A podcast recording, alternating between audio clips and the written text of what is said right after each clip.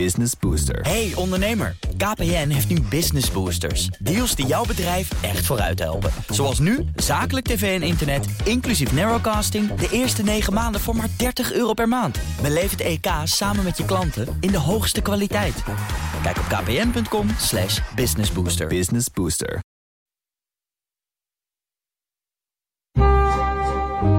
De Perestrooikast. Een blik op Oost-Europa.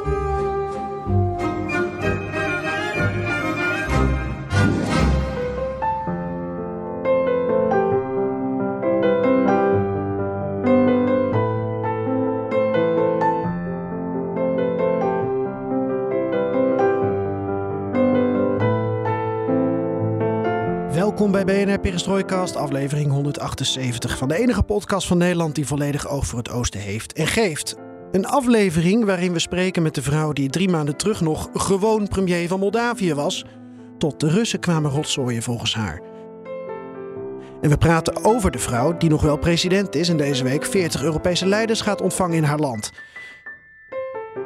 En we hebben dus ook een uitstekende reden om Draco Sterdin thee weer eens te draaien.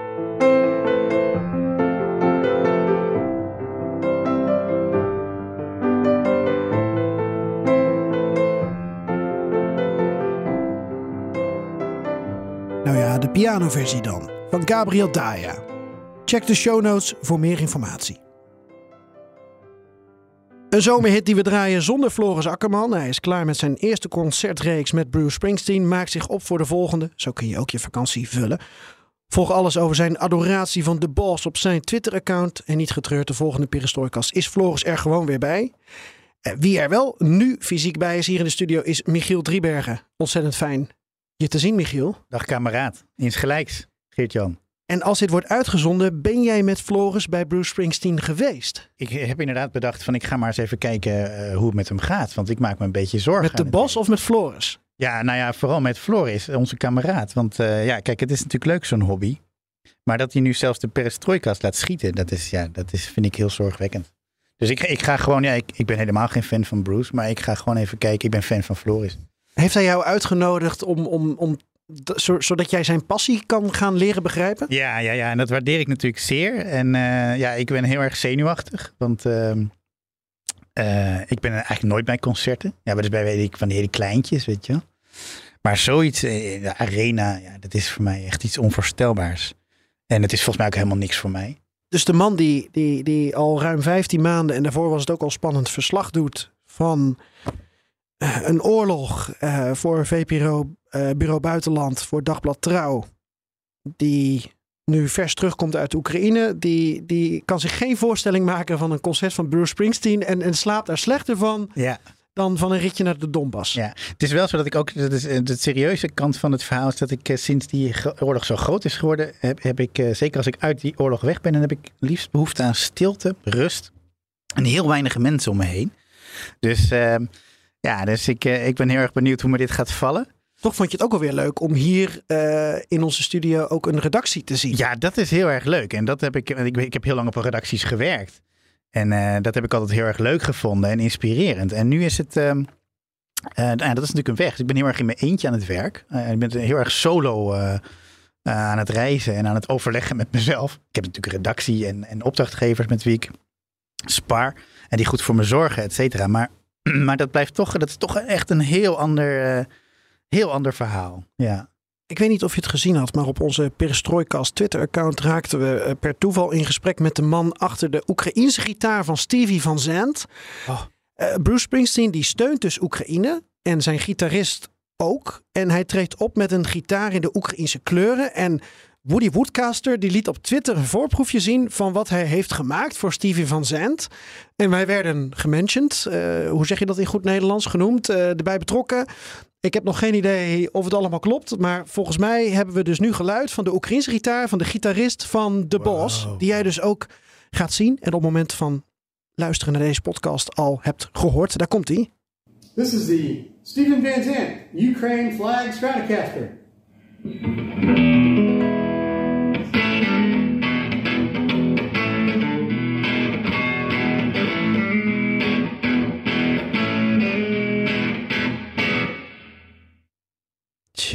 Geluid uit een Oekraïnse gitaar. Ja, dit is, dit is voor mij toch wel een uh, game changer, Geert-Jan. Want nu, uh, nu kijk ik er alleen nog maar naar uit. Dat is ook wel anders dan Roger Waters natuurlijk, hè? Ja, ja, ja, ja, ja, ja. ja. Nou, maar dit klinkt echt fantastisch. En, en, uh, en, en die ga ik dus zien dan, hè? Die gitaar. Dat denk ik wel. Ja. Dat is de bedoeling dat hij mee is op die Europese tournee. En Floris heeft hem in Rome gezien, volgens mij. Ongelooflijk. Dus ik ga en onze kameraad Floris zien en deze Oekraïnse gitaar. Ja.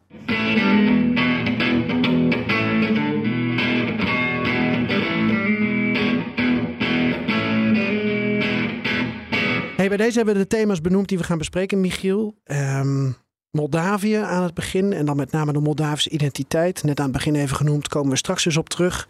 Ik hoop dat jij ons op basis van jouw jarenlange ervaring ook in Moldavië, dat weten misschien veel mensen niet, maar dat je toch een inkijkje kunt geven, want je bent er veel geweest. En we hebben het over Bagmoed, de stad die is gevallen. En waar jij een uh, kleine reconstructie van de afgelopen tien jaar voor Dagblad Trouw over hebt geschreven. Um, was het eigenlijk moeilijk om een, een klein verhaal op te schrijven over een, een totaal vernietigde stad?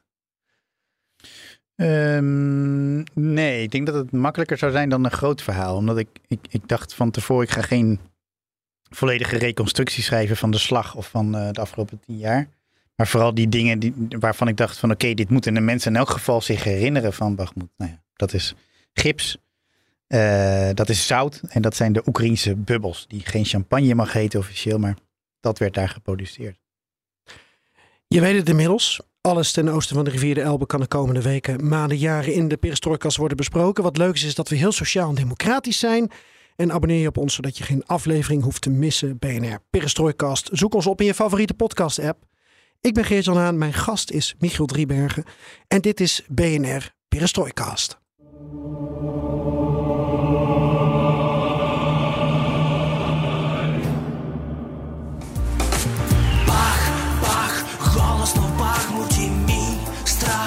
що проти духу тих, хто на рубежі, у камуфляжі. Michiel Driebergen, we hebben even uh, vriend van de show Joost Bosman gevraagd om alvast aan te sluiten. Eind van de uitzending horen we hem natuurlijk met een mop. Maar uh, we gaan het even hebben over Bakhmut, de stad die nu in Russische handen is. Um, maar veel belangrijker volgens mij, een stad die totaal verwoest is. Een stad waar jij, Michiel, al een kleine tien jaar in ieder geval komt. Want je schreef voor uh, Dagblad Trouw een, uh, een reconstructie. Um, laten we dan ook in deze perestrojkas iets meer over Bagmoed vertellen. En uh, daarom sluit Joost ook even aan. Want Joost, jij bent ook een paar keer in Bagmoed geweest. Eén keer met mij. En ook een paar ja. keer los. En toen was het nog uh, Artyomovsk of Artemivsk. En later werd het uh, Bagmoed. Um, ja, Joost, wat, wat mm -hmm. staat jou bij van, van die paar keer dat je daar was? Nou, dat het een, het een hele rustige plaats was. Uh, het was echt een beetje een soort ja, oase van, van, van uh, prettigheid op het moment dat je terugkwam uit het uh, gebied van de DNR, hè, de Donetske Volksrepubliek.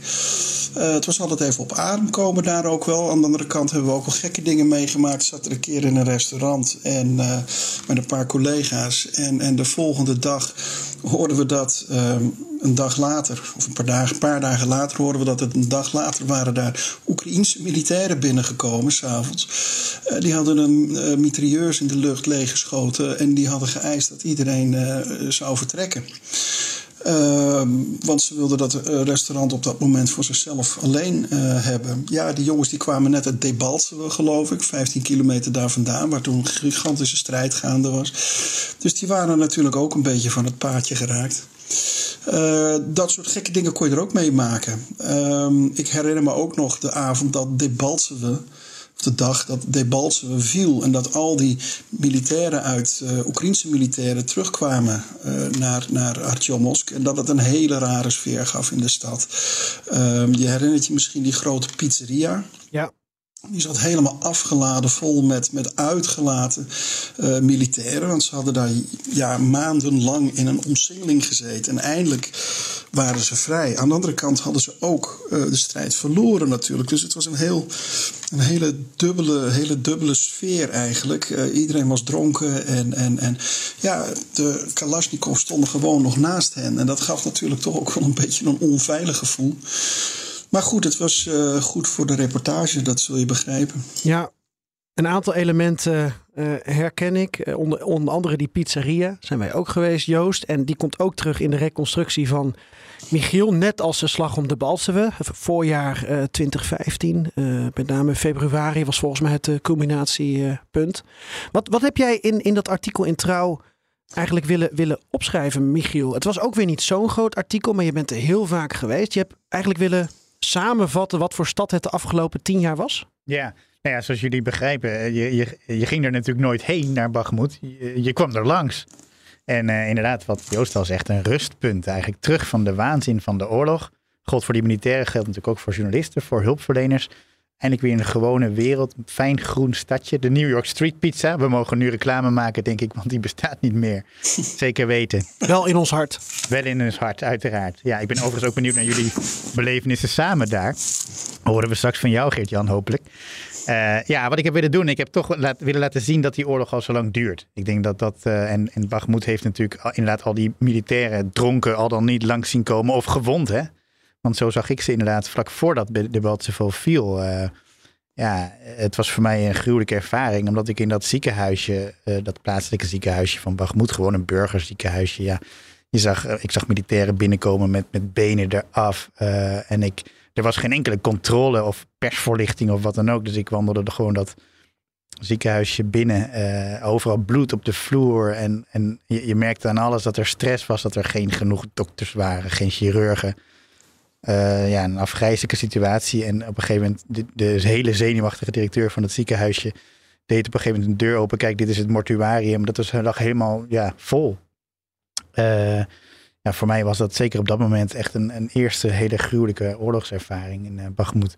Maar ja, laten zien heb ik, heb ik denk ik dat met dit stukje dit was natuurlijk maar een kleine reconstructie, dat het dus al heel lang duurt. Ja, de tiende jaar zijn we al ingegaan. Ja. En Bagmoed is nu uh, verwoest. Maar je hebt ook uh, kort willen beschrijven dat het ook een, een stad is van gips, van zout, van wijn. Ja, zoals elk plaatsje in het Donbass, hè. Uh, heeft het zijn eigen industrie gehad. En uh, inderdaad, zout, volgens mij kwam dat ook naar Nederland al meer dan een eeuw geleden, heb ik wel eens ergens begrepen, vanuit Solidar. Dat ligt Solidar, gave uh, gift van zout, toch? Gift van ja. zout. Uh, ja, gips inderdaad. En dat wist ik eigenlijk niet. Dat heb ik kort geleden pas uitgevonden, omdat ik erover begon te lezen. Dat die tunnels onder de, onder de grond waar die champagne werd uh, ja, geproduceerd. De champagne, hè, dat is de, de, de, je mag het niet champagne noemen, maar de Oekraïnse bubbels, laten we zeggen, de mousserende wijn, die werden gegraven omdat er gips naar gips gegraven, gedolven werd. Uh, ja, dat is, dat is een prachtige industrie. Uh, een ondergronds, grotendeels ondergrondse industrie dus. Wellicht is daar nog wat van over, we weten het niet. Nee, we zien alleen de beelden natuurlijk van, van een stad die ja. verworven is tot een ruïne. Maar wat er ondergronds dan gaande is. Precies, en uh, dus wat er is kapot gemaakt is, dit, uh, ja, is een hele hoop mensen. nou, ik begrijp, zijn er toch, hoorde ik gisteren, dat er toch nog duizend mensen zijn aangetroffen in de ruïnes. Uh, moet ik even checken hoe dat zit, maar dat kan ik me ongeveer wel voorstellen. Toen ik er in februari was, waren er nog 4000 mensen, 5000 mensen. Ja, toen ging jij echt met vrijwilligers van het front mee ja. richting Bagmoed om te kijken of je nog mensen kon evacueren. Ja, precies. Nou ja, de, de, inderdaad, de, met, een, met, een, met een man die mensen evacueerde, die burgers evacueerde, maar de mensen die er toen nog waren, ja, het was toen al volop frontstad. Uh, er werd in de stad gevochten met artillerie en met, met mitrailleurs, et cetera. Ja, die, die, die, die wilden eigenlijk niet weg, die mensen. Dus dat er nog duizend over zijn, dan hoop ik dat die andere 3000 niet allemaal zijn omgekomen. Maar die kans is natuurlijk hartstikke groot. Uh, maar daarnaast is ook een, een hele industrie en een industriële geschiedenis verwoest. Ja. Joost, ben jij er alleen in de context van, van oorlog en dood en verderf geweest? Uh, ja, ik, dat denk ik wel. Ik kan me dat ziekenhuisje ook nog wel herinneren. Daar ben jij ook nog geweest, ja, volgens mij. En klopt. ik, ik, herinner me ook nog die, die, die, die uh, ja, wat was het? Ik, ik meen dat die verpleegkundige was die daar de zaak liep te organiseren. Een hele grote kerel. Ik ben zijn naam kwijt. Maar die, uh, die maakte heel veel indruk, want die regelde alles. Die regelde de ziekenwagens die naar binnen moesten komen. Stond tegen iedereen te schreeuwen dat ze aan de kant moesten. En uh, die had over de hele wereld al gezeten, ook in Afghanistan en Irak en weet ik het. Uh, maar goed, ja, dat ziekenhuisje, dat kan ik me ook nog wel herinneren. Al die, die gewonden die er werden binnengebracht. En dat was toch wel een, uh, ja, behoorlijk indrukwekkend aanblik natuurlijk. je besefte gewoon, ja, oké, dit gebeurt hier vlakbij eigenlijk. Ja, ik heb een artikel erbij gepakt dat ik toen voor, voor het FD heb geschreven. 17 februari 2015. En ik denk dat jij het hebt, Joost, over de coördinerend arts Sergej Borisevich. Achternaam heb ik dan weer niet opgeschreven, blijkbaar. Overgekomen uit Dnipropetrovsk om het personeel in toen nog Artyomovsk bij te staan. En hij spreekt aan het eind van de middag over 40 gewonde soldaten. Dag in dag uit is dit de situatie. Soldaten worden hier binnengebracht, toestand gestabiliseerd en daarna eventueel evacueren naar betere ziekenhuizen in Dnipropetrovsk of um, in Kharkiv. En ik um, uh, schrijf ook nog over een televisieverslaggever. Ja, en nu weet ik dat weer. Van uh, 112 Oekraïne. Um, die een gewonde collega binnenbrengt. Um, want uh, toen ze een stand-upper maakten, sloegen ineens granaten in en is de chauffeur geraakt. En dat was het beeld dat wij, dat wij daar buiten al, al kregen. Maar ik heb het al die tijd ook als een soort. Um, ja, ik weet niet of je het dan een frontstad moet noemen, maar heel erg als een soort van backstage gevoel in een film ervaren. Ik weet nog dat Joost en ik van een afstand de enorme explosie en, en vuurbal van een, uh, volgens mij een gaspijplijn, toch? Joost, die in vlammen denk ik opging op dat moment. Die zag je dan, um, omdat je best wel op afstand kon kijken, denk ik 10, 15 kilometer verderop. Enorme rookpluim ook. Oh ja, ik heb het weer gevonden in mijn eigen stuk. In de Svitlodarsk was dan blijkbaar een gaspijpleiding geëxplodeerd. Oh ja. ja. En dat soort dingen zie je dan. Maar ook die soldaten die inderdaad gewoon komen eten. Op die trucks terugkomen rijden van het front. Het voelde heel erg als een film voor mij, waar je onderdeel van was. Um, maar ik zat echt vooral te observeren. Ja, ja, ja. Dat was mijn ervaring. En de pizzeria. Ja, ja. en de pizzeria. Nou, ik heb ook wel geleerd van die ervaring toen. Want jullie hebben het over die militairen die zo uh, ja, zich misdragen. Maar in die context is dat eigenlijk bijna een soort van logica. En ik heb daar heel vaak nog later aan teruggedacht. De, de, het gedrag van die, hè, van die militairen met bloeddoorlopen ogen en vol adrenaline die aan het vechten zijn. En, iedereen moet uit de weg, want zij zijn, zij zijn bezig met de belangrijke taken. Ik heb daar zeker rondom Bagmoed de afgelopen maanden veel aan gedacht. Van je kunt misschien zelfs als president wel zeggen: jongens, zullen we Bagmoed maar hè, uh, weggeven? Maar dan dacht ik weer aan die militairen. En dacht ik: oké, okay, als je dus een half jaar of drie kwart jaar aan het vechten bent voor zo'n stad, dan ga je dus echt niet stoppen. Dus je, dit zijn militaire beslissingen, heb ik me altijd gerealiseerd de afgelopen maanden. Van dit zijn geen. Die, dat, dat, die oorlog krijgt dan zijn eigen dynamiek. Ja. Uh, en uh, dan, dan, kun je, dan, dan kun je als oppercommandant, zeker in Oekraïne, en zo'n land als Oekraïne wel, een, een, een, wel denken van misschien is het politiek gezien beter om die stad uh, te laten vallen. Maar ja, als die vechtjassen daar aan het vechten zijn, dan houden ze daar niet meer mee op. Joost, wat ik herinner is dat jij natuurlijk vanuit Rusland ook tot vorig jaar veel in de Oekraïne kwam. En ook veel juist naar de Donbass ging. Je kon ook eigenlijk nog gewoon de tussen haakjes grens over. Je komt naar het bezette gebied van DNR of LNR. Jij bent er natuurlijk ook veel, veel geweest. Maar wat Michiel nu waarschijnlijk aantreft als hij daar rondreist, is echt totale vernietiging. De, de verschroeide aarde. Dat was de afgelopen jaren nog niet helemaal zo het geval, toch? In, in de meeste dorpen. Die stonden nog overeind. Ja, zeker. Ik bedoel, de, de, echte totale vernietiging van die dorpen is pas na, begonnen na uh, 20, uh, 24 februari uh, vorig jaar. Toen de, de, de, de, de zogeheten speciale militaire operatie, zoals de Russen nog altijd uh, vermist is, het grootschalige bloedvergieten in uh, Oekraïne plegen aan te duiden. Uh, toen stond alles nog uh, overeind. De, die, die, die, totale vernietiging is echt begonnen. Ik, ik weet nog wel dat je bijvoorbeeld bij Slavjansk. Uh, daar, daar, daar, daar, zag je wel wat, wat kapotte huizen en weet ik het. Vanuit die eerste periode, zeg maar. Eh, maar dat is later volgens mij ook weggehaald en, eh, en herbouwd. Uh, maar in Artyomovsk kan ik mij niet herinneren dat daar, dat daar veel kapot was. Of, of getroffen was door, door artillerie of wat ook maar toen nog in ieder geval. Sta jij nog steeds te kijken van die vernietiging, Michiel? Hoe in een jaar tijd zo ongelooflijk veel tot op de grond gelijk gemaakt kan worden? Ja, zeker, uiteraard. Dat is natuurlijk ongelooflijk uh, verdrietig en deprimerend. En uh, ja, Bagmoed was inderdaad gewoon helemaal heel tot, uh, ja, tot begin vorig jaar. want daar is de oorlog toch gek genoeg na 2015 nooit geraakt. Hè? vandaar dat het dus zo'n kalme oase bleef al die jaren lang. Mensen die ook dachten het komt wel goed Ja, precies. Van nou, die oorlog dat duurt al acht jaar. En daarom gingen mensen natuurlijk ook niet meteen weg. Van ja, kom op. Eh, hoezo? Dat zijn we wel gewend. Eh, maar ja, die vernietiging. Bakhmut is natuurlijk nu eh, na Mariupol eh, ook eh, ja, een soort van symbool daarvan geworden. Maar het is zeker ook in de regio Kharkiv, in de regio Gerson, in de regio Zaporizhia. Ja, hoe ongelooflijk veel dorpen met name ja, met de grond gelijk zijn gemaakt. Dat is...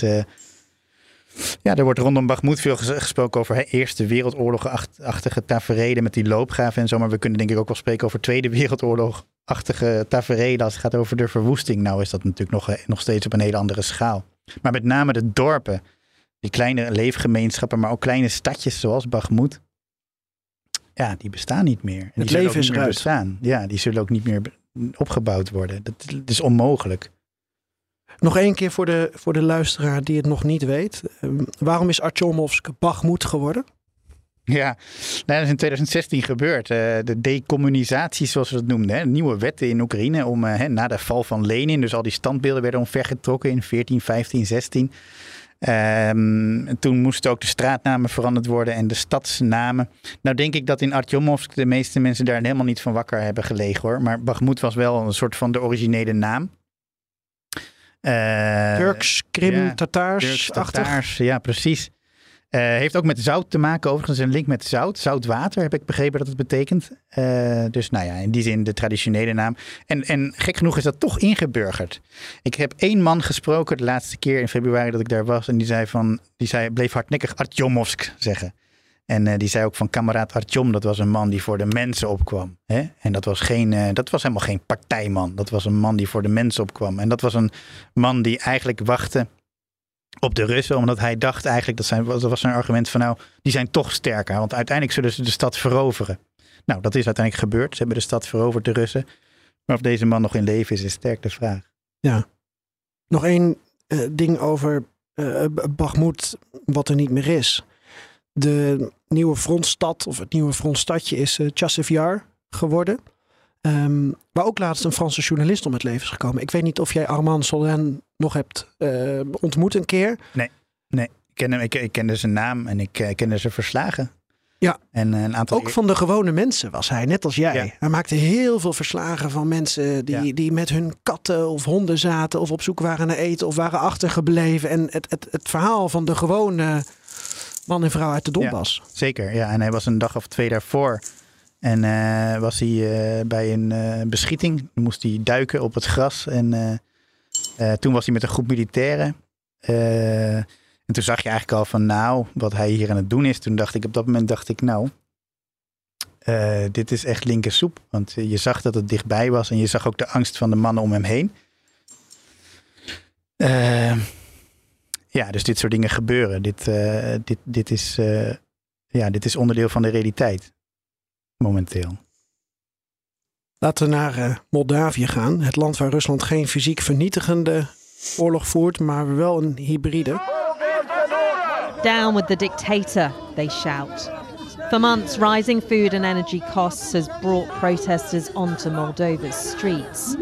But the government's accused Russia of deliberately stoking the anger by pushing up prices, spreading propaganda, and backing a plot to overthrow them. Something Moscow and Moldova's pro Russian politicians dispute.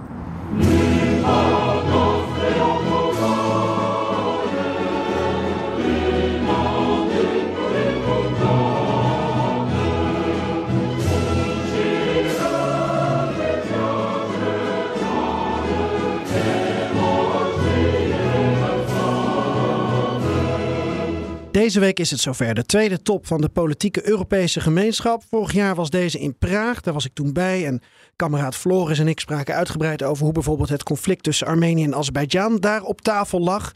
Wat er op de tweede editie van deze top besproken wordt, dat hoor je in een volgende perestrojkast. Maar laten we alvast aandacht hebben voor het gastland.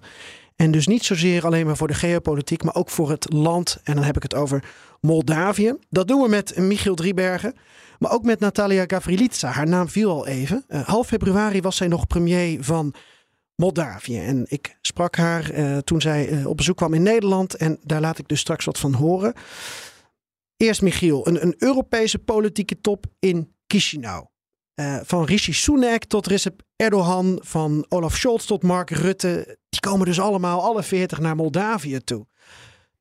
Ik weet niet of je er een mening over hebt, maar wat, wat, wat vind je van de keuze om een, een Europese politieke top met zoveel leiders nu in Moldavië te houden? Ja, dat is denk ik een politieke keuze. Dat is inderdaad zo dicht bij het conflict.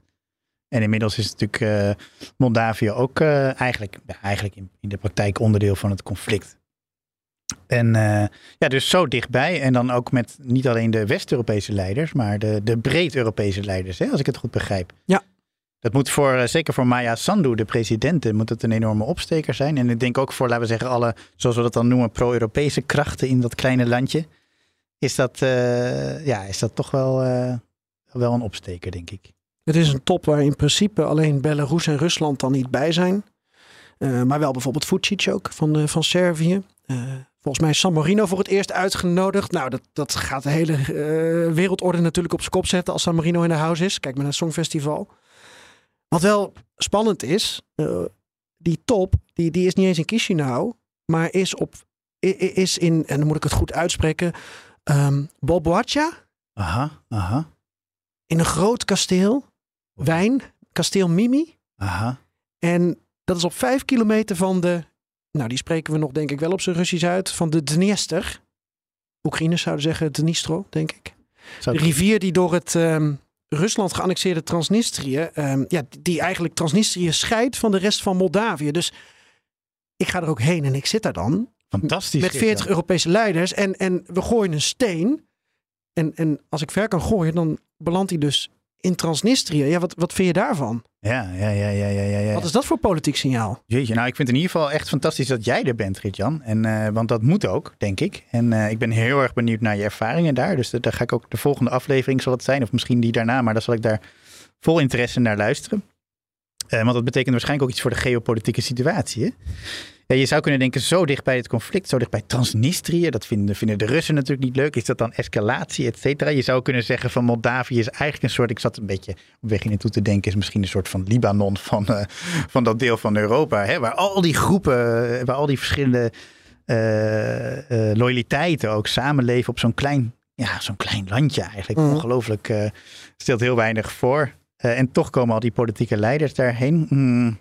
Wat wel interessant is, is dat Moldavië natuurlijk eigenlijk sinds het een, een onafhankelijk land is geworden, toch een soort recept van neutraliteit heeft gehad. Het staat zelfs in de grondwet. We zijn neutraal. En dat is door de oorlog die Rusland nu zo agressief in Oekraïne is begonnen, is die neutraliteit er wel op papier, maar staat die heel erg ter discussie. Ja, ik zag Sandu uh, op die enorme, laten we zeggen, pro-Europese bijeenkomst laatst. Hè, zag ik haar uh, Slava Oekraïne noemen, uh, roepen. En dat is natuurlijk ook nieuw. En ja, je voelt toch een beetje deze oorlog is, in Oekraïne is, heeft zoveel potentie om zo groot te worden, ook regionaal breed te worden, zeg maar. Ik moet een beetje terugdenken aan die Arestovich, die voormalig uh, uh, Zelensky-adviseur. ik geloof dat hij nu inmiddels iets anders doet, maar die zei van, och, dat Transnistrië-probleem kunnen wij best wel oplossen hoor. Dus, en je voelt eigenlijk dat dat zo is. Dus je, je hebt eigenlijk het idee van, oké, de Russen zijn bijvoorbeeld Lavrov als laatste weer heel erg kwaad over nou ja, waar was die kwaad over? Over dat Moldavië nu Roemeens als officiële taal heeft of iets dergelijks? Ja. Uh, Constitutioneel Hof heeft gezegd Moldavisch is in feite gelijk aan Roemeens. Dus ja. we spreken Roemeens. Ja, maar je merkt, je voelt eigenlijk een beetje dat wat Lavrov zegt eigenlijk niet meer zo relevant is. Uh, uh, laten we zeggen, de, de Russen kunnen niet naar Moldavië nu. Hè, dat is gewoon fysiek onmogelijk. ze kunnen hun troepen, dat zijn ook maar een handjevol, niet meer steunen. En je voelt eigenlijk dat die balans toch een beetje geopolitiek gezien aan het doorslaan is. Het was wel heel moeilijk in het begin, hè? want je refereerde aan Maya Sandu. Maar ze hebben de eerste maanden uh, sowieso eigenlijk nog die neutrale status willen behouden. Een beetje zoeken naar de positie, niet meedoen met de sancties. Ja. Het gaat niet zonder slag of stoot natuurlijk. Als je, als je dat, dat, dat 30 jaar lang op die manier doet, ook om, om jezelf veilig te houden. Je kiest voor de voorzichtige optie, namelijk niet ook die Russische beer tegen jou ja. boos maken. Ja, precies. Nou ja, Moldavië heeft natuurlijk, en dat zullen we straks vast ook wel over hebben, allerlei dingen meegemaakt afgelopen jaren. De gesloten markt met Rusland opeens, hè, vanwege dat associatieverdrag. Uh, alle consequenties voor de bewoners daarvan, et cetera. Er is, is door allerlei woelingen heen gegaan.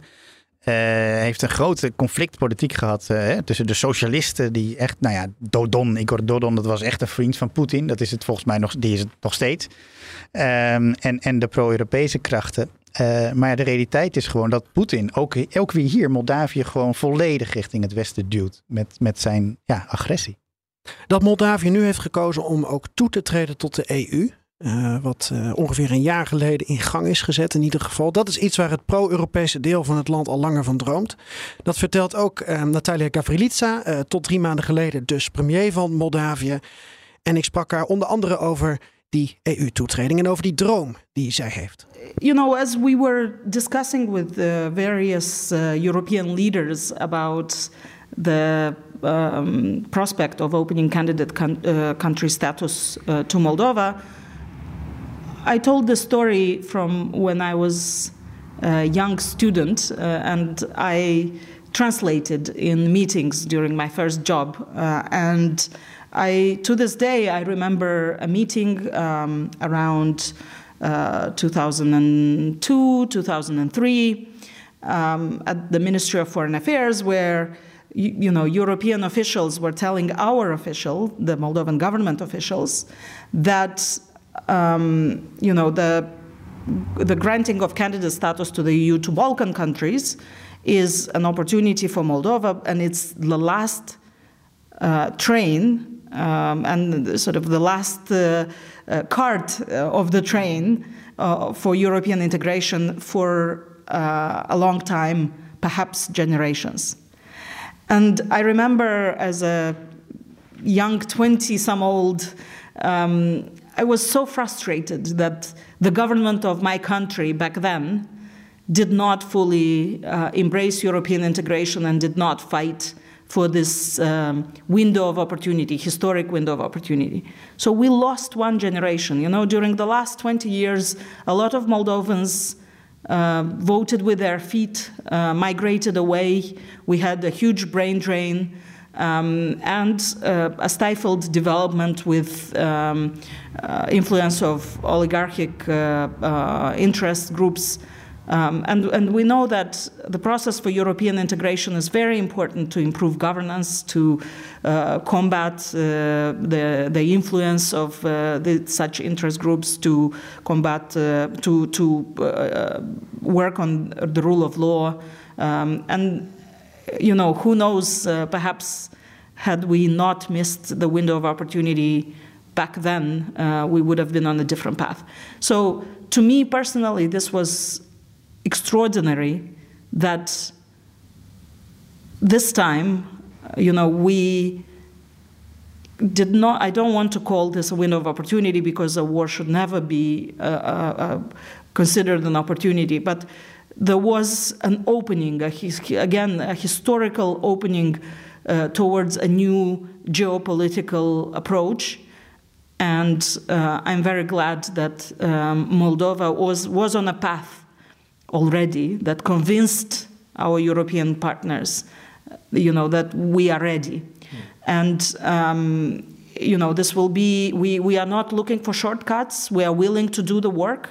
Uh, we recognize that this will be, uh, you know, the work of uh, future generations. Probably, uh, you know, the the young people, the young public servants now working in ministries will be the ones who uh, will actually bring Moldova uh, into the EU. Zo, de voormalig premier schetst hier even een beeld van Moldavië in de 21ste eeuw, zoektocht naar Europa. En ze geeft ook alvast een voorzet voor de komende generatie en hoe die daarmee om zullen gaan, Michiel. Wat zegt jou dit? Nou ja, in het, in het verlengde van uh, waar jij nu naartoe gaat, hè, naar die grote top.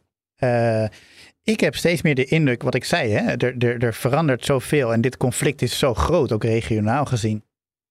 Uh, dat we moeten bijna wel, zeker als het gaat over Oekraïne bijvoorbeeld, naar een soort nieuwe veiligheidsstructuur, kan ik me voorstellen. Hè, voor dat deel van Europa. Daar moet Moldavië ook bij horen. Je kunt natuurlijk niet uh, iets voor Oekraïne gaan organiseren. En daar vraagt Oekraïne nadrukkelijk om. Hè, een nieuw soort veiligheidsstructuur. Oké, als het dan niet NATO is, wat dan wel?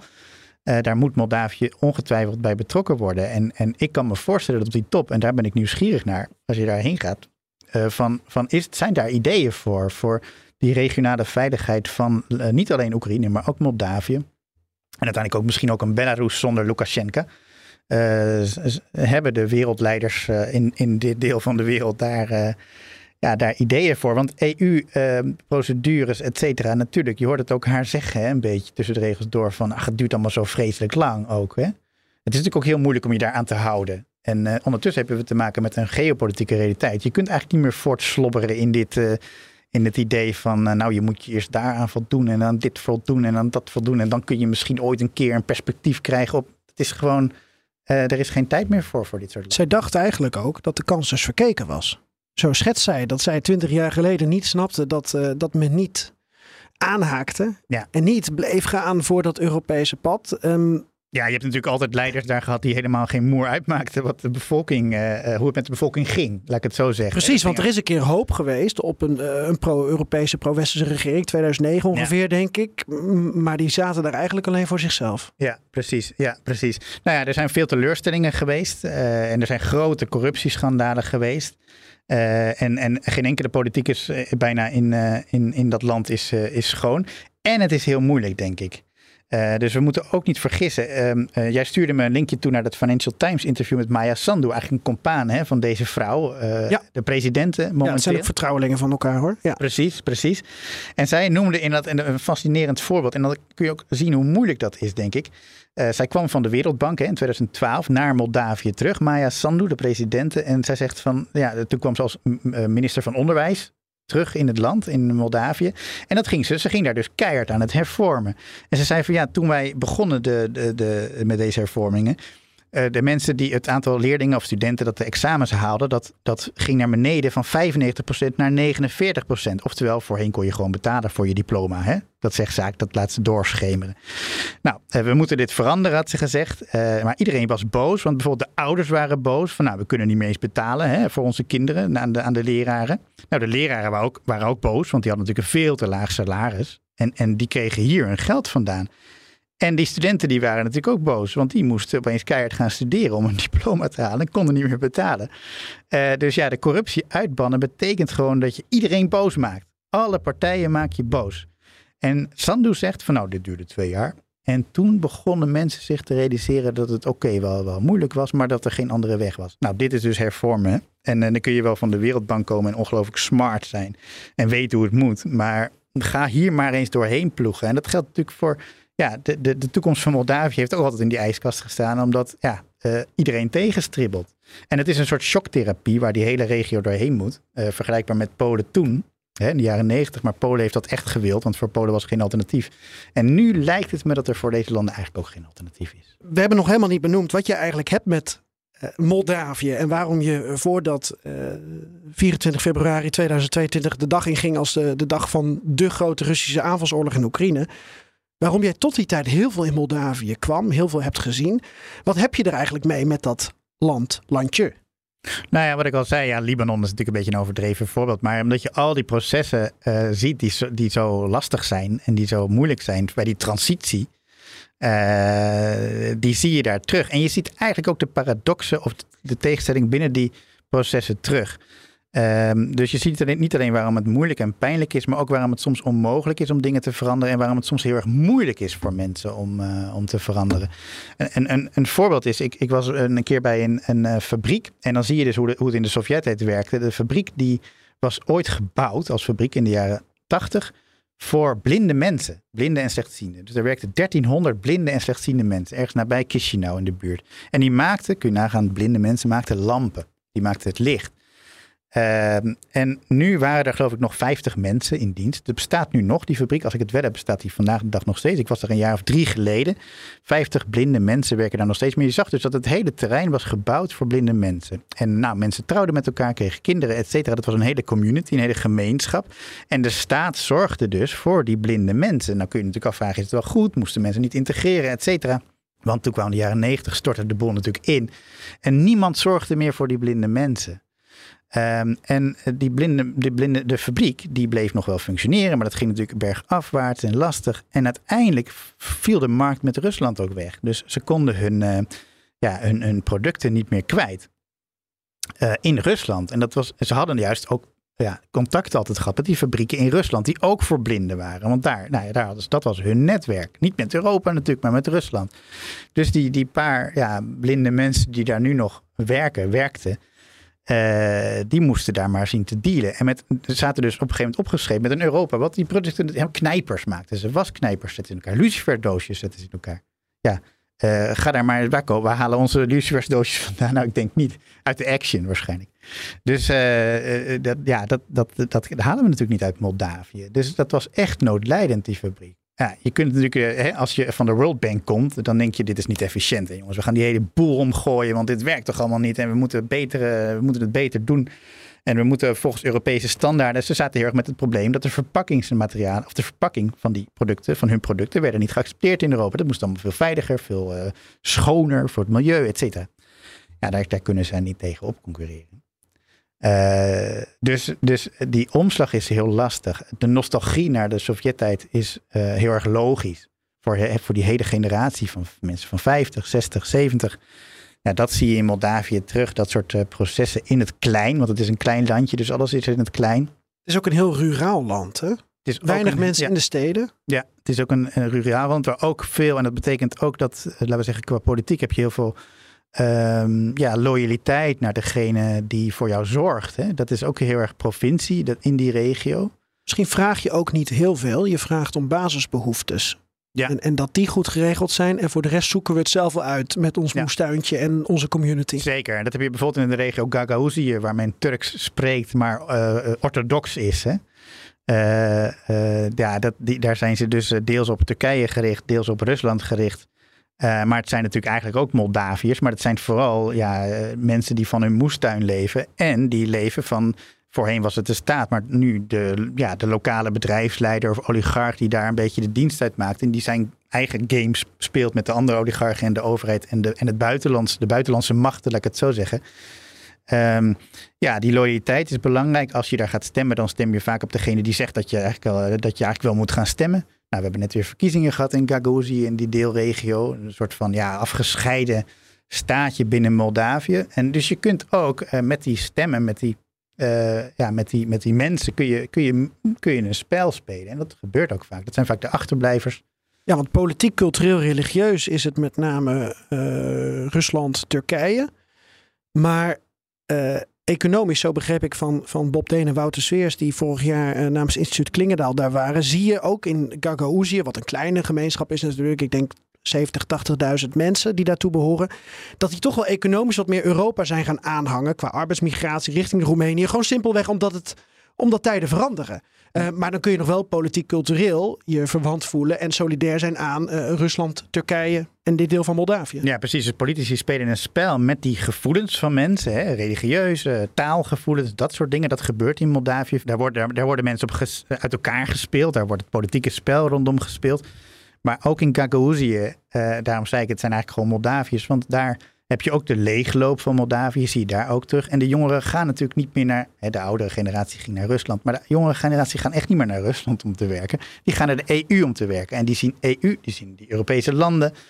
Um, dus ja, die, die, die, die los van de, alle politiek, los van alle geopolitiek die rondom dat landje wordt gespeeld. Uiteindelijk gaat het gewoon om, ja, waar kun je je geld verdienen? Waar zie je de goede voorbeelden? En dat is natuurlijk Europa. Maar als we dan Moldavië ontleden, dan heb je pro-Westers Moldavië. En dat kan je volgens mij weer opsplitsen in pro-Roemeens en pro-Europees. Je hebt pro-Russisch Moldavië, dat is dan met name Transnistrië, maar ook weer deels Gagauzië. Ben ik er dan met de smaken? Nou, ik denk het grofweg wel. Grofweg wel. Alleen nogmaals, dit is een spel. Eigenlijk zien we, zien we eigenlijk een soort spiegel hè, van de werkelijkheid eh, in, in, in het Westen, denk ik vaak. Van Moldavië, ook van Oekraïne zie je dat ook vaak. Dat we denken, oké, er is iets pro-Russisch en er is iets meer pro-Westers, et cetera. Um, maar de, de, de, de, de onderstroom is toch uh, dat, dat, ja, zeker na het conflict in Oekraïne, dat, uh, dat die westwaartse beweging op gang is. Wat natuurlijk niet altijd per se hoeft te betekenen dat dat goed is. Overigens zelfs in Transnistrië, dat heeft onze kameraad Floris Akkerman een keer goed uitgezocht. Hè? Daar gaan de producten ook richting de EU. Ja, dat wordt door Krasnozelski, de, de president van, van Transnistrië, ook gewoon geregeld. Terwijl die wel op allerlei sanctielijsten staat. Maar dat, ja, dat, en dat is ook wel slim, want Bob Deen en Wouter Weer zeiden dat ook. Daarmee heeft de EU toch ook weer geopolitieke soort voet tussen de deur. Waardoor ja, die relatie met Transnistrië wel op een bepaalde manier blijft. Ja, zeker. Nou ja, goed, Transnistrië is natuurlijk ook gewoon een oligarchie. Waar hè, het bedrijf Sheriff de dienst uitmaakt. Uh, en, en Ja, en in die zin dus dealt met degene waar, ja, waar het beste mee te dealen is, economisch gezien. Hè, waar het best geld mee te verdienen is. Dus ja, zo, zo gaan die, die stromen, zeg maar. Ehm, en ja, die oligarchie is natuurlijk eigenlijk ook. Uh, politici in, in Moldavië moeten vaak spelen met, met, met religie en met taal. Omdat ja, men zich ook langzamerhand steeds beter, denk ik, realiseert dat, dat de, de, de, de Poetin-aanhangers onder de politici, bijvoorbeeld uh, meneer Shor in Moldavië, dat is ook zo'n grote oligarch, zo'n businessman die niet eens meer in Moldavië kan zijn. Gevlucht naar Turkije? Israël, volgens Israël. mij. Er zit geloof ik 15 Ja. jaar, eh, heeft hij 15 jaar aan Die andere die zit in, eh, in Turkije inderdaad. Lagotniuk, eh, Ja. die andere grote oligarch. Eh, dus die worden er zo langzamerhand uitgejaagd. Dat is natuurlijk in die zin een po- positieve eh, ontwikkeling. Maar de, ja, de, de, de Poetin-aanhang slinkt denk ik ook. Omdat men zich steeds beter realiseert. Oké, we, we kunnen wel, eh, ja, we kunnen wel voor, voor de sterkere staat eh, kiezen. Hè? Want daar zo wordt Poetin vaak gezien. Als Mhm. de man die dan... eh, hè, of dus zo'n soort leider. Hè? Zo wordt Igor Dodon, de voor, Ja. president ook gezien. De socialist. Maar dan stellen we zelf ook niks meer voor natuurlijk. Eh, hoe bedoel je? Nou, dan stellen, stellen die kleine oligarchen. eh, Ja, zeker. Die, stellen in Moldavië wat voor, maar niet als ze opgeslokt worden door het grote Rusland. Nee, Dus, er is eh, natuurlijk een enorm spel aan de gang. Maar Ja. de, de, de, de Poetin-politiek wordt toch steeds meer gezien als de sterke staat, weliswaar. Maar toch iemand, ja, een staat die niet zorgt voor, voor de mensen. Dus eigenlijk, eigenlijk kapitalisme, maar dan met een kleptocraat Ja. aan het hoofd. Zeg maar. En Michiel, omdat jij al jaren in Moldavië ook komt. En ik, ik zeg niet dat jij hier de grote culturele antropoloog of socioloog hoeft uit te hangen. Maar als we het ook hebben over waar Moldavië nou voor staat. Want het is dus een land, als je het ontleedt, met zoveel verschillende geuren, kleuren, smaken, culturen. Wat ook heel mooi is. Maar wat is nou dan, dan de Moldavische identiteit? Waar, waar moeten we dat mee associëren? Ik vind dat heel moeilijk. Ja, soms zie je iets van ehm, eh, dat bij die minderheden regio's, bijvoorbeeld bij Gagauzië, zie je de, het effect dat ik heb in, eh, ik herinner me een man in, eh, hoe heet die plaats? Comrad. Hoofdstad hè, van Gagauzië, waar eh, eh, dat was een man die, die zei van ja, wij, wij hebben zoveel corruptie en daar klaagde hij over. Nou, dat is volledig gelijk in. En hij, hij verlangde dus naar een sterke staat. Uiteindelijk vond hij Poetin dan daar een belichaming van. Dat was een jaar of vier, vijf geleden. Ehm, en dat zie je veel, dat effect. Dat eigenlijk juist die minderheden eh, zich zorgen maken over hun, eh, hun taal of over hun religie of wat dan ook. Zeker als daar een spel wordt, eh, rondom wordt gespeeld hè, door politici. Zeggen jullie worden bedreigd, et cetera. En dan eigenlijk een soort verlangen naar, daarom noem ik Joegoslavië, naar een soort van gezamenlijke, toch wel een gezamenlijke staat eigenlijk. Hè? Maar, maar dan wel met, met, met, ja, met, met de eigenheden, de, de, de eigen eigenheden, eigenaardigheden van de eigen cultuur daarin. Eh, ja, daardoor beschermd, zeg maar. Want ja, in Gagauzië zien ze natuurlijk ook niet voor zich dat ze een onafhankelijk landje, staatje worden. Hè? Dat is niet voorstelbaar. Ehm, dus in die zin, voor die minderheden zie je toch wel dat het een effect is. En dat zie je in Transnistrië toch ook wel van, ja, we moeten toch beschermd worden door iemand. Eh, Maar dat is ook niet erg, maar als je denkt aan Europa en dan pak je eh, Bosnië-Herzegovina en Moldavië bijvoorbeeld als twee landen waar ik aan denk bij veel verschillende geuren, kleuren, smaken, culturen, om het zo te blijven noemen, religies. Maar daardoor misschien eh, ook minder succes met nation building.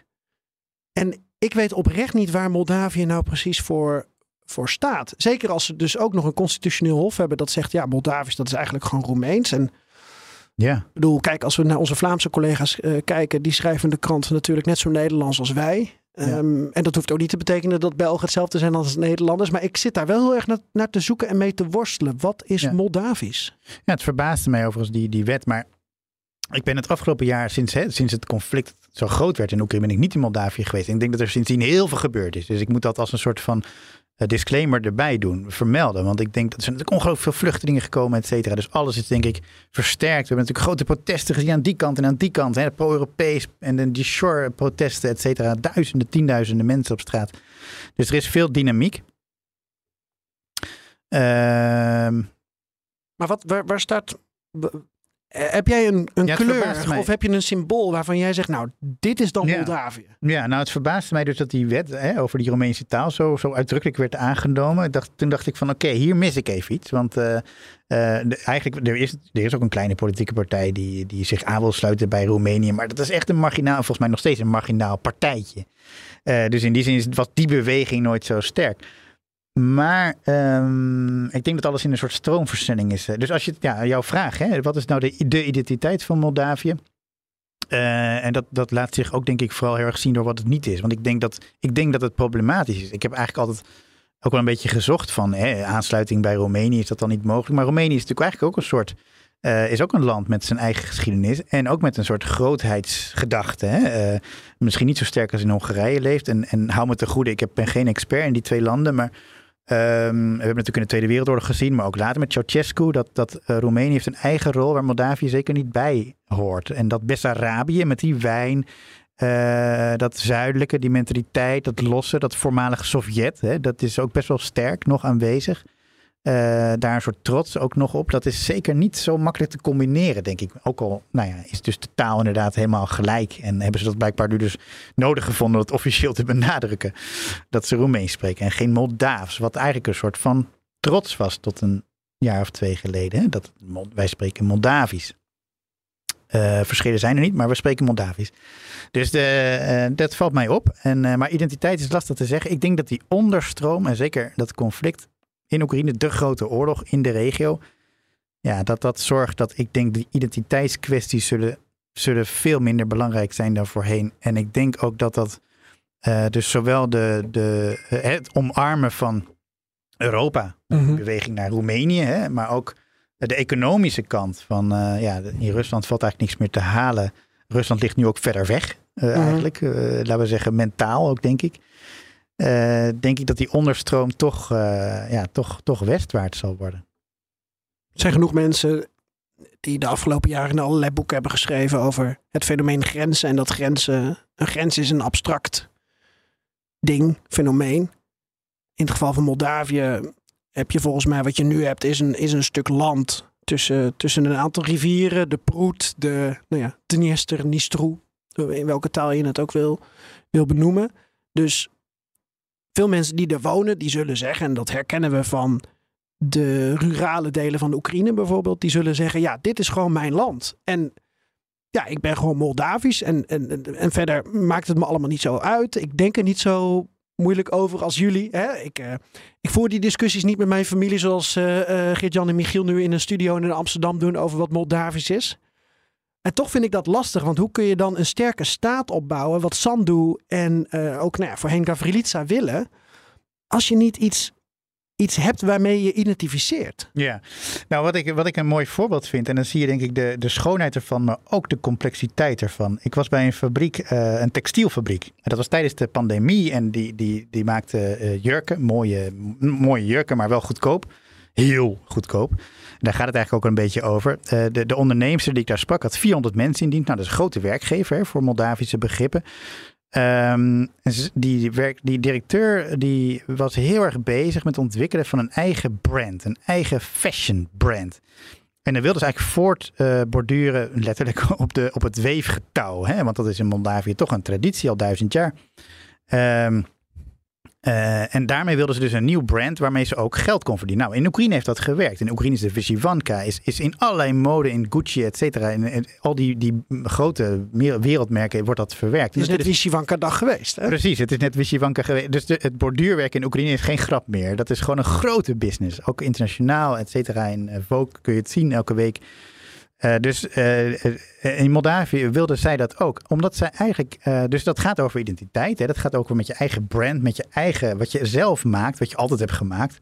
Het Moldavische. ja, die identiteit verkopen, eigenlijk letterlijk.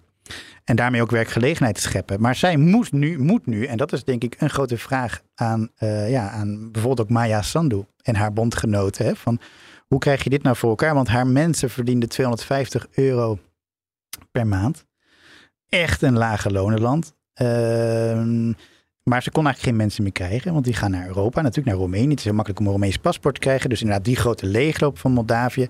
En eigenlijk wordt Moldavië dus door, eigenlijk door ook Europa in die economische realiteit gezien als een soort lage lonenlandje. Nou, laten we daar maar makkelijk kleding produceren, lekker goedkoop. Arbeidsvoorwaarden maakt niet uit. Dus die schone kledingcampagne is heel erg kritisch op Moldavië altijd geweest de afgelopen jaren. En daar zit denk ik een uitdaging voor Europa van oké, je kunt allerlei eisen stellen over toetreding, et cetera, en over corruptie uitbannen. Maar als je, uh, ja, als je uh, Moldavië ziet als een soort van nou, lekker goedkope productie om de hoek. Hè, weinig kan transportkosten, dus eigenlijk nog goedkoper dan China. Uh, of de Filipijnen, wat dan ook. Ja, dat gaat gewoon niet. Die mensen die werkten keihard, werden per geproduceerd stuk betaald. En die directeur die zat er heel erg mee in haar maag. Maar ze zei van ja, anders dan word ik weggeconcureerd. En dan moet ik met de bol sluiten. En dan hebben die 400 mensen ook geen werk meer. Nou, haar werknemers trekken inmiddels weg. Uh, dus hier zit de uitdaging voor deze World Bank mevrouw, denk ik. Hè? Van je gaat naar Moldavië, je gaat daar de, proberen de boel te hervormen. Ik denk dat die economische factor voor mensen ook gewoon heel erg belangrijk is. En eigenlijk belangrijker dan de identiteit. En ik denk andersom werkt het ook zo. Volgens mij kun je als politicus prima spelen met identiteit. Uh, als het economisch slecht voor elkaar is. Ik denk dat de, de achterban, maar ik ben er niet bij die protesten geweest, dus hou me ten goede. Die 50.000 mensen die op straat waren hè, voor die partij van meneer Schor, die grote corrupte oligarch, die bij dat grote bankschandaal van een paar jaar geleden, waar 6 miljard euro geloof ik gestolen werd, betrokken was ja, die kan natuurlijk spelen met mensen als ze geen toekomstperspectief hebben.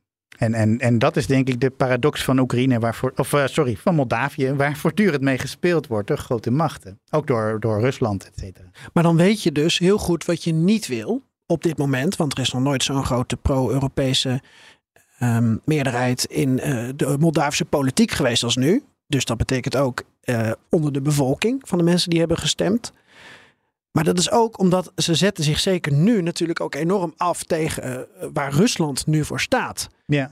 Maar om als staat en sterke staat en sterke eigenheid te, te overleven, heb je ook iets nodig waar je wel voor staat. En, ja. en dus het afzetten, dat lukt. Er is een soort keus gemaakt, al blijft het natuurlijk volatiel en fragiel. Maar waar je wel voor staat, weet je. En zit het dan in de, de placenta, de, de koek Ja. Ehm, die deels ook Roemeens en deels ook Mm. Oekraïnse roots heeft. Krijg en ik honger. snap wel, het is, een, het, is een, het is een van de plekken van Europa waar het zo mooi is dat dingen in elkaar overvloeien. Ja. Ja. Maar het is Nou, problematisch, vind ik dan. Nee, dat klopt. Maar ik denk wel dat het te combineren is. Ik denk dat mijn punt over die economie en jouw punt over de identiteit. Wat ik al zei, ik had, ik had het net over dat weefgetouw, maar jij hebt het over de wijn. Eh, Maya Sandu, dat Financial Times interview wat we noemden, dat was in een wijnbedrijf, et cetera. Ja. Dat, ik ben daar geweest in et cetera. En ik weet nog heel goed, het is een jaar of nou zes, zeven geleden. Het is best bijzonder dat Maya Sandu zegt in het interview van wow, ik heb hier nog nooit een plek kunnen krijgen. Ja, Want zij wil ook niet zeggen als ze reserveert van ik, ik ben de, de president. Ehm. Maar jij hebt gewoon even gezegd, ik ben Michiel Driebergen, ik wil een tafel. nou, toen ik, kreeg je ik was journalist en ik heb daar niet gegeten. Oké, nee. oké. Maar zij hebben zich dus omgeturnd. En inderdaad, Maya Sandu doet dat zo. En ik denk dat zij echt een betrouwbare politica is. Hè. Dat moeten en dat is in die konterij ongelooflijk uniek nog steeds. Een vrouw, maar ook een vrouw die echt gewoon ja, geen oligarch is. Dat is echt heel sterk voor de man. Dat is een enorm sterk imago. En zij doet dat inderdaad niet een tafel reserveren als president. Nee, ze gaat gewoon kijken of er een plek is. Eh, maar dat, die, dat wijnbedrijf, et cetera. Ik heb die twee broers die dat bedrijf leiden toen gesproken. En die waren echt de wanhoop nabij. Want de markt naar Rusland was gesloten. En ze zeiden, we kunnen nooit op concurre- concurreren tegen die wijnen in Spanje en in eh, Frankrijk. En dat klonk toen heel erg logisch. En laat het alsjeblieft dat conflict niet hier naartoe komen. Ze waren ook boos een beetje op Europa en op het Westen. Van, hè, dat het conflict met Rusland zo enorm wordt uitgevochten naast hun deur in, in Oekraïne toen al. Ja, ik denk dat zij dus nu een bloeiend bedrijf hebben. Zij hebben het dus blijkbaar gered. Eh, maar die transitie gaat met veel pijn gepaard. Eh, maar eh, een wijnbedrijf, dat is wel heel erg Moldavisch. Ze hebben het blijkbaar gered op de Europese markt. Dan als ze niet meer bestaan. Oké, ze nodigen ook mensen uit om daar te komen eten, et cetera. Ik zou het iedereen aanraden om naar zo'n wijnbedrijf te gaan. Hè, als toerist, als het ooit weer rustig is in de regio. Eh, maar dat is toch het combineren van identiteit. Want identiteit in Moldavië is toch echt wijn. Eh, het is een klein landje. Ehm, ja, en eh, als daar uiteindelijk geld mee kan worden verdiend, wat deze broers dus blijkbaar hebben aangetoond. Want ik zie ze nog leven en ik zie zelfs dat de president daar gaat eten en drinken. Ja, dan zit daar toch de toekomst. En ehm, eh, ja, als het met dat borduren ook nog een beetje goed afloopt straks, dan eh, zit jij misschien straks in een Moldavische Wisjewanka. Nou, dan moeten ze wel snel aan de bak. Want ik ben er over een paar dagen. Ja, je gaat erheen. Ja, ik ga erheen, Michiel. Man, ik ben eigenlijk jaloers, want eh, ik zou heel graag weer naar Moldavië gaan. Ja, Zo'n Europese top. Dan is het wel allemaal anders. Luchtruim is twee dagen dicht. Eh, er mogen ook drie dagen geen drones vliegen. Heel veel beveiliging, alles afgezet. Heel veel buitenlandse beveiliging. Want dat kunnen ze natuurlijk zelf helemaal niet aan. Hoe moeten ze 40 Europese leiders ontvangen eh, in deze gevoelige tijd? Wat is jouw belangrijkste vraag, Geert-Jan? Wat die je daar gaat stellen, die je daar gaat uit, uitzoeken? Daar moet ik eigenlijk nog over nadenken, Michiel. Want als ik hem nu noem en ik kom over een paar dagen met een betere vraag. Kijk, ik ben heel benieuwd eigenlijk naar, naar de follow-up op het uh, uh, conflict tussen Armenië en Azerbeidzjan. Omdat nu Olaf Scholz aan tafel zit in plaats van Macron. Want uh, de, de Azeri hebben gezegd, ja, die Macron die hult te veel met die Armeniërs. vanwege de diaspora ook. Die banden zijn te sterk. We hebben een meer neutraal persoon nodig. Ik ben benieuwd wat eruit komt. Want de vorige keer kwam er een Europese vredesmissie uit. En ik denk dat, dat alles, alles goed is in dat, in, dat, um, in dat verband natuurlijk. Erdogan is er overigens wel en Poetin natuurlijk niet. Nee, nee. Erdogan gaat natuurlijk ook over dat conflict meepraten. Ja, uh, hoewel we natuurlijk wel met die Turkse verkiezingen zitten. Maar in principe zal die er wel, zal die er wel zijn hoor. Mm -hmm. Dat was hij vorig jaar dan ook. Um, nou, uh, misschien um, ben ik stiekem toch wel benieuwd naar, naar Moldavië. Dat nu dan met het organiseren van een Europese top toch wel definitief heeft gekozen voor, voor Europa. Maar wel voor het grote Europa. Hè? Ja. Het wijde, het brede Europa. Waar we natuurlijk, ja, dus niet de EU zozeer. Daar gaat het deze top niet over. Ik ga een gekke vraag uh, erin gooien die ik in gedachten heb. Wil Moldavië het Luxemburg van Oost-Europa worden? Ja. Wil nou het een soort, ook al is het totaal niet stedelijk en heel ruraal, maar uh, wil het dan een soort mengelmoesland zijn dat economisch goed functioneert? Uh, veel expats. Uh, moet, er, moet er een grote dienstensector komen? Het wordt dan een totaal ander land. Waarvan jij ook eigenlijk zei dat, uh, dat Sandu niet gelijk op die kapitalistische trom heeft geslagen aan het, aan het begin. Toen ze met die Partij van Actie en Solidariteit die pro-Europese koers ging varen. Maar ja, ik hoor wel geluiden van, en dat vind ik ook interessant, vanuit Moldavië, dat ze denken van ja, wat er nu in Oekraïne gebeurt, bijvoorbeeld bij Odessa, wat daar vlakbij is, ja, die krijgen economisch een flinke knauw. Misschien kunnen we wel een deel van de business van Odessa en die regio overnemen en Europese investeerders aantrekken. De ligging is wel heel anders, want het ligt niet aan zee. Maar dat soort dingen zijn wel, zijn wel interessant om over na te denken. Ja, die economische kant ook. Ja. ja. Ik, ik hoorde afgelopen week van een Moldavisch bedrijf wat panelen bouwt of, of eh, produceert voor, voor Oekraïnse noodwoningen. Voor mensen die uh, vlucht zijn. Ja. Het is ook wel een voorbeeld als Oekraïne natuurlijk als een soort Marshallplan voor Oekraïne zou komen hè, voor de lange termijn. Dan ja, wat ik net zei, dan zou je Moldavië daar bij wijze van spreken logisch uh, al, al in, in, mee moeten nemen. Maar jij zegt eigenlijk van, van ja, ik, ik zei net Libanon, het Libanon van die regio, maar jij zegt eigenlijk Luxemburg van die regio. Dat is natuurlijk toch een ander perspectief. Zeker. Ik, ik denk meer in een klein land met, voor mijn gevoel, nogmaals, ik ben geen groot Moldavië-expert en zeker ook geen Luxemburg-expert, maar een, een klein land waar ik niet gelijk een, een, een bepaald gevoel bij heb van hier staat het voor. Uh, ja, dat biedt ook kansen. Ja. Alleen je moet voor een totaal andere invulling van je land kiezen. En ik weet niet of dat nou zo leuk is voor de mensen die er nu zitten. Ja. Maar hoe krijg je anders die sterke staat? Je wil ergens bij horen. Je hebt economisch uh, perspectief nodig. Want ze zijn in ieder geval wel aan het afbouwen van die uh, invloed vanuit Rusland. Maar wat komt daar dan in de toekomst voor in de plaats? Ja, en, hoe, en hoe gaat Europa met dat kleine landje om? Hè? Dat wat ik net eigenlijk bedoelde. Van, dat is natuurlijk toch ook van ja, je kunt ze niet als ja, zo'n land waar zoveel mensen uit, uit migreren, dan, ja. dan doen we ook iets verkeerd. De, de, de kant die het, waarvan ik denk dat het opgaat, is eigenlijk. Um, maar nogmaals, geen groot expert, dus misschien moet ik het niet eens benoemen, maar ik doe het toch, want het is mijn eigen podcast. Ja. Ik denk toch richting Roemenië. Die, die, die intertwining, die vervlechting met, met Roemenië wordt toch steeds groter. Uh, Gavrilica, ik laat zo horen wat zij zegt over Moldavische identiteit. Die gaf ook aan van ja, 30 jaar geleden had het er even naar uitgezien dat wij ja, richting uh, het pad van Duitsland zouden volgen met unificatie. Um, ja, toen gebeurden er toch dingen zoals Transnistrië, waardoor dat anders werd. Maar als je kijkt naar hoeveel mensen een Roemeens paspoort hebben, hoe die arbeidsmigratie al jaren gaande is, hoe ze nu ook politiek overduidelijk dat pad kiezen. Ik weet alleen niet hoe dat vanuit Gagauzië en Transnistrië dan gevolgd wordt. Hè. Je hebt het over bescherming van en, het, en respect hebben voor alles en iedereen. Ja, dat zijn hele moeilijke keuzes. Maar ik denk dat je alleen maar een moeilijke keuze kan maken hierin. Uh, want je moet, je moet wel verder. Zeker economisch gezien. Ja, ja, ja. Ja, hoewel uh, Luxemburg is natuurlijk altijd Luxemburg gebleven. Je het een stomme vergelijking? Nee, ik vind het een hele... Het is een expertland het... natuurlijk, maar... Uh, ja, nee, ja, precies. Ja. ja, ja, Luxemburg, ja. ja als, je, als, je, als je je afvraagt wat is nou de identiteit van... Nou, ik denk dat Moldavië nu al een sterkere identiteit heeft dan, uh, dan Luxemburg. Ik zou het niet weten met Luxemburg. Ik, ik laat je even horen wat, um, wat Natalia Gavrilica, de voormalig premier, zei over uh, Moldavische identiteit toen ik haar ernaar vroeg.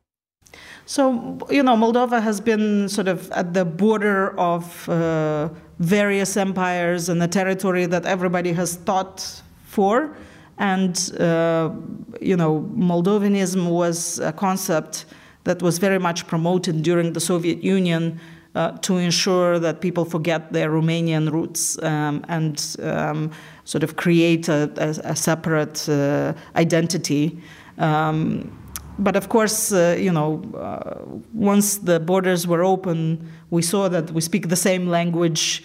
Uh, we have the same history, the same dances, the same cuisine. So, you know, it's uh, um, it, it hasn't worked. And even though it was heavily politicized by different forces, uh, you know, to divide people and be able to, uh, you know. Um, sometimes uh, distract people's attention from the economy or um, you know uh, some uh, corruption cases. Um, you know despite all of this uh, you know we have come to a um, um, an acceptance of the reality. So you know recently the constitutional court uh, recognized that the official language in Moldova is Romanian, um, and uh, this was taken as some, something that's very natural uh, because you know everybody's tired tired of uh, uh pretending that it is a different language. So um, it's a natural historical uh, development, and uh, um, you know we have people who identify uh, their ethnicity as Moldovan or Romanian, but at the same time, we have a lot of uh, double citizenship holders um, who have uh, been repatriated because their uh, grandparents had uh, Romanian citizenship that was illegally taken from them. So, um, you know, we believe that European integration is also a way to um, basically develop together in uh, within Europe uh, and and sort of uh, heal some of the historical wounds hmm. that have hold, held us back sometimes. I remember a few years ago a debate also in Europe going on about Ozone, the band, with Dragostea Dinte, with the summer hit, because was it Moldovan or was it Romanian? And that, that was maybe the clearest example in Europe of how the, there was a twist in Moldova you know, I, when it comes to music, I don't think it matters much. So uh, um, we are glad that uh, uh, our singers from Moldova have a lot of success in Romania and in Europe. And uh, uh, we continue to invest uh, despite all difficulties in our heritage and our culture as well. Aan het eind van de videoclip uh, zie je trouwens een Moldavische vlag in het Costea Dinte. Dus dan hebben die jongens daar toen voor gekozen. Maar daar was wel discussie over. Hm. Wat vind je van hoe zij naar de Moldavische identiteit kijkt? Nou, ik zat wel te denken toen zij zei van nou, uh, we hebben...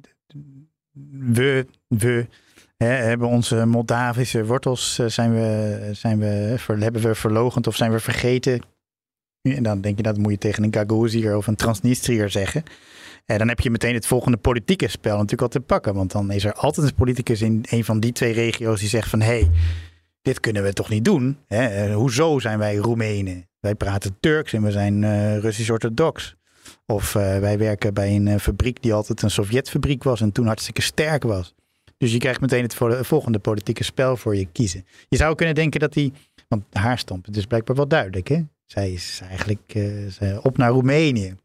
Ja, het is alsof ik uh, meneer Basescu, de voormalig president van Roemenië, hoor van, nou, als iemand voorstelt op reunificatie, um, ja, kom maar. Precies, precies. En um, ik weet niet of Maya Sandu er helemaal zo over denkt, maar misschien moet ik dat zij uit zich, Ja, dat is een goede. Maar zij uit zich zeker niet zo sterk. En, en dus het mag ook misschien, ze is meer politica als premier geweest. over, overigens is, uh, is uh, Gavrilitsa is wel belangrijk om te noemen, want ze moest drie maanden geleden als premier het veld ruimen. Toen uh, door de Russische destabilisatieacties, toen kwam de Moldavische politiek is waar weer. Maar ze is nog steeds de vicevoorzitter van de politieke partij. Hè? Dus ze heeft nog steeds een hele zware stempel die ze erop drukt. Ja, je zou het dus ook, zo zie ik het een beetje als ehm, uh, als angst kunnen zien. Ik denk dat ze eigenlijk, je zou kunnen zeggen dat ze zich vastklampt aan Roemenië. Van uh, het, het, grote gevaar is nu nog groter geworden. Eh, zeker voor zo'n iemand als zij. Ehm, eh, eh, hou- houd ons alsjeblieft vast, Roemenië. Hè? Eh, als Brussel het niet doet, eh, laten we dan alsjeblieft zoveel mogelijk aansluiting zoeken. En laten we onze Roemeense wortels maar zoveel mogelijk ontdekken. Zo zie ik het een beetje, zo hoor ik het een beetje. Als we hem afronden, wat, wat, wat zou jij Moldavië en Moldaviërs gunnen?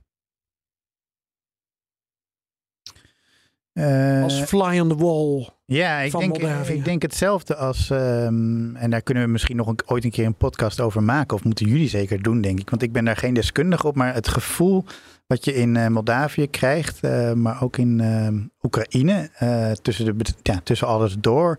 Is toch van: oké, er is nu natuurlijk heel veel bemoeienis met Oekraïne bijvoorbeeld. Hè? We leveren wapens. We leveren.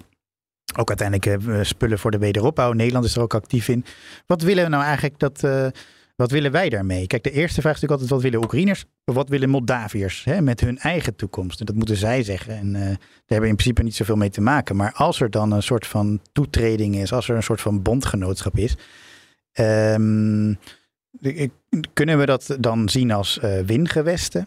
Eh, dat is een heel bruut woord, maar ik denk toch dat ik het zo bedoel. Eh, de Amerikanen, wat doen de Amerikanen straks in Oekraïne? Waarom steunen de Amerikanen Oekraïne eigenlijk zo? En wat willen ze er straks voor terug? Kolonialisme zonder dat wij het zo voelen of ervaren? Eigenlijk is Moldavië nu, als je het over Moldavië hebt, is eigenlijk een soort koloniaal staatje van Europa aan het worden. Zeker als het gaat, hè, wat ik net zei over die textielfabriek. Die vrouw die eigenlijk die directeur is, die hele goede dingen doet, die vooruit wil met haar land, met haar eigen brand, maar dat niet voor elkaar krijgt, omdat ze gewoon gedwongen wordt in de rol als lage lonenproducenten.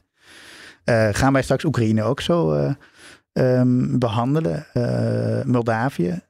Dus ik denk dat dat een vraag is waar, wat willen we eigenlijk met die, met die regio's? Boven lidmaatschap. Wat is lidmaatschap dan eigenlijk? Van, van wat dan? En van wat voor soort Europese Unie? Wat voor soort economische Unie willen we hen dan bij betrekken? En, en worden, ze dan, eh, ja, worden ze dan gelijkwaardig? Of, of wordt het eigenlijk een soort van ja, nieuw kolonialisme? Ik wil als, als slot nog een eh, kijk- en luistertip aan de mensen meegeven. Buiten alle reportages die we al benoemd hebben, ook van jouw hand, die we ook in de show notes zullen, zullen zetten. Ehm, er is een, een documentaire gemaakt door ehm Miroslava van de Boom. Ja, ik heb hem gezien. Eh, Ook gedeeld op mijn Twitter een paar weken geleden. Ja. Korte documentaire, 10 minuten ongeveer. Moldova in the Dark. En ze vertelt het verhaal van Lydia Panici. Dat is dan de leider van een, eh, ja, zo noemen ze dat, een folklore ensemble. eh, in een dorp van Varanchau. En dat is op de grens van Oekraïne en Transnistrië. Dus eigenlijk helemaal aan de oostkant. ehm, Ja, zo hoort de ontploffingen in eh, Odessa, geloof ik. Precies. Ja. En ehm, dat, gaat, dat gaat helemaal niet alleen over die grote geopolitieke vraagstukken, toch? Die documentaire gaat juist over mensen die gewoon het liefst ja, doorgaan met hun leven. Die wel iets van voorspoed willen, maar niet te veel verandering. En eigenlijk ook zeggen, we hebben pandemieën gehad, we hebben oorlogen gehad. We hebben heel lang geleden ook hongersnoden gehad. Ja, we zitten nu Wij overleven het. Hè, energiecrisis. Dus Ja. eh, hoe, eh, hoe stoken we onze kachel nog? Betaalbaar inderdaad. Ja. Betaalbaar. Hoe, hoe, krijgen, het, hoe krijgen we onszelf warm? Straatverlichting daar eh, Ja, de burgemeester. af en toe uit. Die zegt, nou, we hebben het budget prima voor elkaar. Maar je ziet dat het zoegen is voor hem. Ja. Mooie, mooie documentaire. Ja, mooi. Mooie korte film over eh, ja, goed, de traagheid die in die, in die regio ook natuurlijk is. Hè? Dat die dorpen, die eh, eigenlijk ook worden herontdekt trouwens door veel jongeren. Die zeggen, wij willen eigenlijk, zeker tijdens de pandemie, van we willen, we willen in de natuur leven. We willen zelf onze eigen productie weer doen, et cetera. Dat is natuurlijk een sterk punt van Moldavië ook. Speaking over the future. Facem repetiții, ne pregătim de concerte, de festivale și mai uităm de, așa, de rutina de acasă.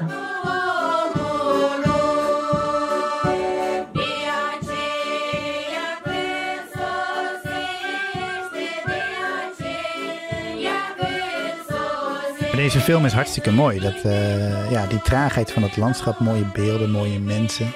Dat is een aanrader. Ja, ik noem het onterecht een documentaire, want het is inderdaad meer een korte film. Ja, korte documentaire, ja. Heel persoonlijk, ook door eh, Miroslava zelf eh, eh, gemaakt, gemonteerd. Dus eigenlijk gewoon... Ik, ik, ik, zag die film en dacht, hé, dat had Michiel ook kunnen doen. Zo, zo alleen in overleg met zichzelf, tussen mensen, lokale mensen in een dorp. en dat leven beschrijven, heel klein houden. En uiteindelijk staat het toch symbool voor, ehm, voor iets groters. Gewoon hoe mensen willen leven en eh, hang naar conservatief of naar progressie misschien. Maar ook niet te groot denken. Dat moet je aan die mafkezen van de perestrojkas maar overlaten. ja, ja, precies. Ook de taaiheid van, eh, van de mensen trouwens. Ik geloof dat die vrouw ook zoiets zegt van wij hebben het altijd zo gedaan en wij zullen het altijd wel, wel redden. Weet je wel? Dat is toch ook een heel sterk punt van die, eh, van die Moldaviërs. Maar ja, dat, dat, de traagheid filmen is volgens mij heel moeilijk en dat is wel goed gelukt. Wanneer ga je weer op pad, Michiel? Eh, ik moet eerst naar Bruce, hè? Eh, dus, eh, De boswacht.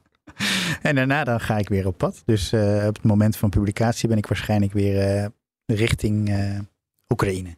Oké. En ik hoop heel erg in jouw voetsporen te treden als het gaat over Moldavië. Dat ik daar toch snel ook weer de mogelijkheid heb om daarheen te gaan. Ja. Ik hoop het ook voor je.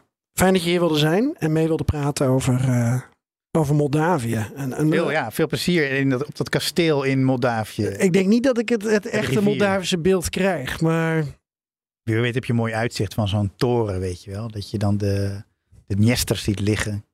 sta ik daar samen met Victor Orban een beetje te mijmeren. Ja, precies. Ja. Over een toekomstige Europese veiligheidsstructuur wellicht. Dat is ook nog een vraag. Daar ben ik wel benieuwd naar je ervaringen. Ik ga hem vragen. Dankjewel, Michiel. Dank Geert-Jan. Joost, we hoorden je al even over Bakhmut, Artyomovsk, Artemivsk. Een, een, een stad die niet meer bestaat, maar wel een hele geschiedenis heeft. Die we eh, eigenlijk alleen op basis van de afgelopen tien jaar even hebben beschreven. Misschien komen we ooit nog toe aan een uitgebreidere ode aan, aan Bakhmut.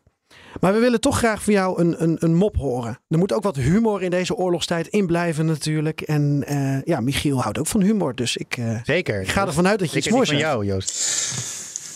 Nou, ik zal, eh, ik zal dan met overgave de paljas uithangen eh, bij deze. Ehm, zoals jullie weten zijn in eh, Rusland hebben ze de, de, de, Moldaviërs als de domme Bellen, zeg maar. Waar wij eh Belgenmoppen vertellen over domme Belgen, hebben ze dat in Rusland. Daar fungeren de Moldaviërs voor. Nou is er een Moldaviër die wordt als getuige opgeroepen bij een rechtszaak, een strafrechtszaak.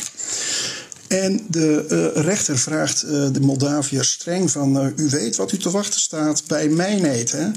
Waarop die Moldaviër zegt... jazeker, de verdachte heeft me 10 dollar beloofd. Ja, bij mij valt hij altijd wat later, dat snap je. Maar gelukkig hebben we Michiel nu. Leg, leg hem maar even uit, Michiel. dat kan ik niet hoor. Ik vind hem wel weer mooi en droog. Dankjewel Joost, ook voor, je, ehm, ja, voor het ophalen van die paar herinneringen aan, aan Bagmoed. Eh, al zijn er veel meer, maar helaas hebben de meeste mensen het toch leren kennen als een, eh, als een stad eh, in oorlog. Ja, laten we de, de, de geschiedenis van Bagmoed laten her- blijven herhalen, Joost. En ook jouw moppen natuurlijk. Ja, ja. Als ik jullie nog één eh, ding mag voorleggen. Wat mij opviel was dat Prigozhin in het filmpje... waarin hij de, de, de, de, in, eh, de, hoe, de bezetting van Bakhmut afkondigde... hè, afgelopen zaterdag... noemde hij Bakhmut Bakhmut. Waarom was dat eigenlijk? Waarom zei hij geen Artyomovsk? Ja, wie Ja, ik er in de ziel van Prigozhin? Ja, loopt hij daar toch te, nee, te lang rond? het opvallend. Ja, ja, ja dat Kennelijk, is toch te lang ja. rond. Ja, Ja. ja, ja, ja, inderdaad. Ja. Hij, hij noemde, ik zag gisteren ook een filmpje met Prigozhin en dan noemde hij alle slagen op die de Russen in, inmiddels verloren hebben in Oekraïne het afgelopen jaar. En toen haalde hij er ook een heleboel door elkaar. En toen zei hij op een gegeven moment, nou ik weet de volgorde niet eens meer, maar wat boeit het ook allemaal? We hebben ze allemaal verloren. Nou, we zullen over een paar weken zien eh, wie er het laatste lacht. Of over een paar maanden of over een paar jaar. We weten het niet. Dankjewel Joost en eh, succes daar in, eh, in Rusland. Ja, dankjewel. Tot ziens. Oké, Kijk Joost, bedankt weer. beste man. Tot gauw hè. Yo, hoi hoi. Yo, hoi. Yo.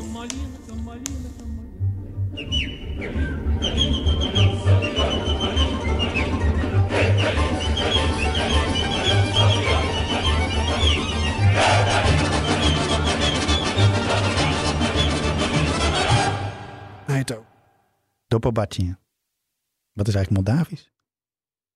Ja, Roemeens.